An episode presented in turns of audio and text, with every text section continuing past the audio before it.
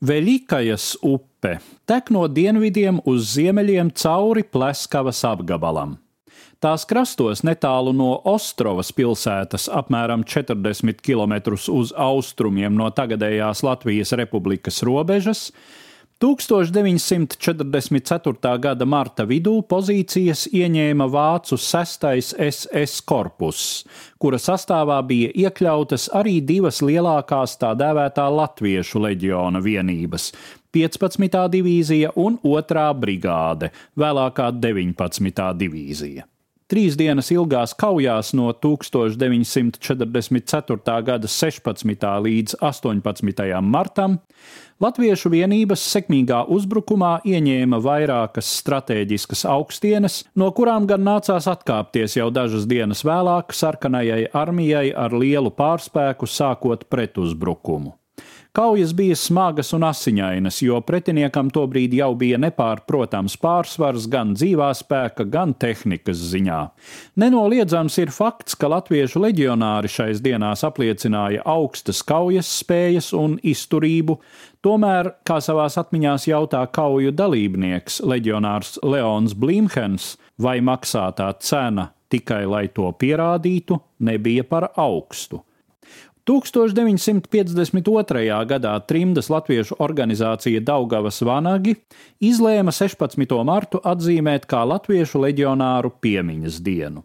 Tāda šī diena sākotnēji bija arī atjaunotajā Latvijas republikā, taču tad neveiksmīgs mēģinājums piešķirt 16. martam oficiālas atceres dienas statusu, tam sekojošā promaskaviski noskaņoto spēku un arī Krievijas oficiālās propagandas pretkampaņa, abu politiskā spektra radikālo galu pastiprināta interese par šo notikumu, pārvērta kritušo piemiņai un izdzīvojušo atmiņām domāto dienu par kategorisku apgalvojumu un histērisku lozungu izkliekšanas reizi. Par latviešu leģionu ticis un vēl tiks runāts daudz un daudzpusīgi. Šodien tikai par vienu aspektu. Reizumis joprojām sastopamo priekšstatu, ka leģions bija latviešu nācijas apzināta izšķiršanās, izvēloties nacistisko Vāciju par savu sabiedroto cīņā pret padomju okupantiem. Tā ir aplama un kaitīga nedoma. Latviešu nācija Otrajā pasaules karā neko nevarēja izvēlēties, un tā bija mūsu zemes un tautas traģēdija.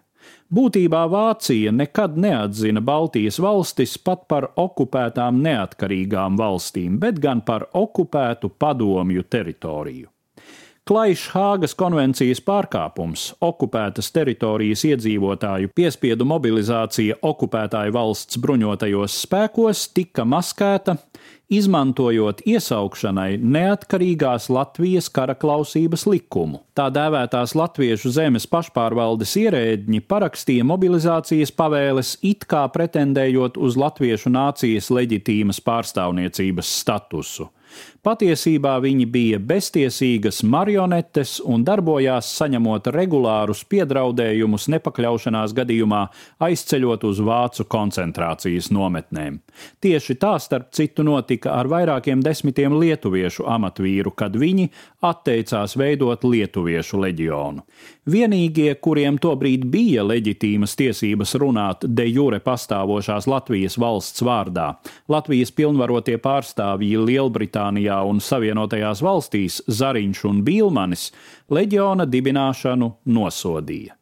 Kas attiecas uz ierindas leģionāru motivāciju, tad tā ir katrā gadījumā individuāla un daudzos gadījumos arī visai sarežģīta. Te grūti novelkamas robežas starp ideiski pamatotu izšķiršanos un pakļaušanos apstākļiem. No vienas puses neapšaubāmi vairums leģionāru nīda staļinisko režīmu un nevēlējās tā atgriešanos Latvijā. Tomēr piespiedu mobilizācijas situācijā šis arguments kļuva relatīvs. Savukārt tikai pilnīgi ignoranta persona spētu noticēt leģionāru simpātijām pret nacisma ideoloģiju.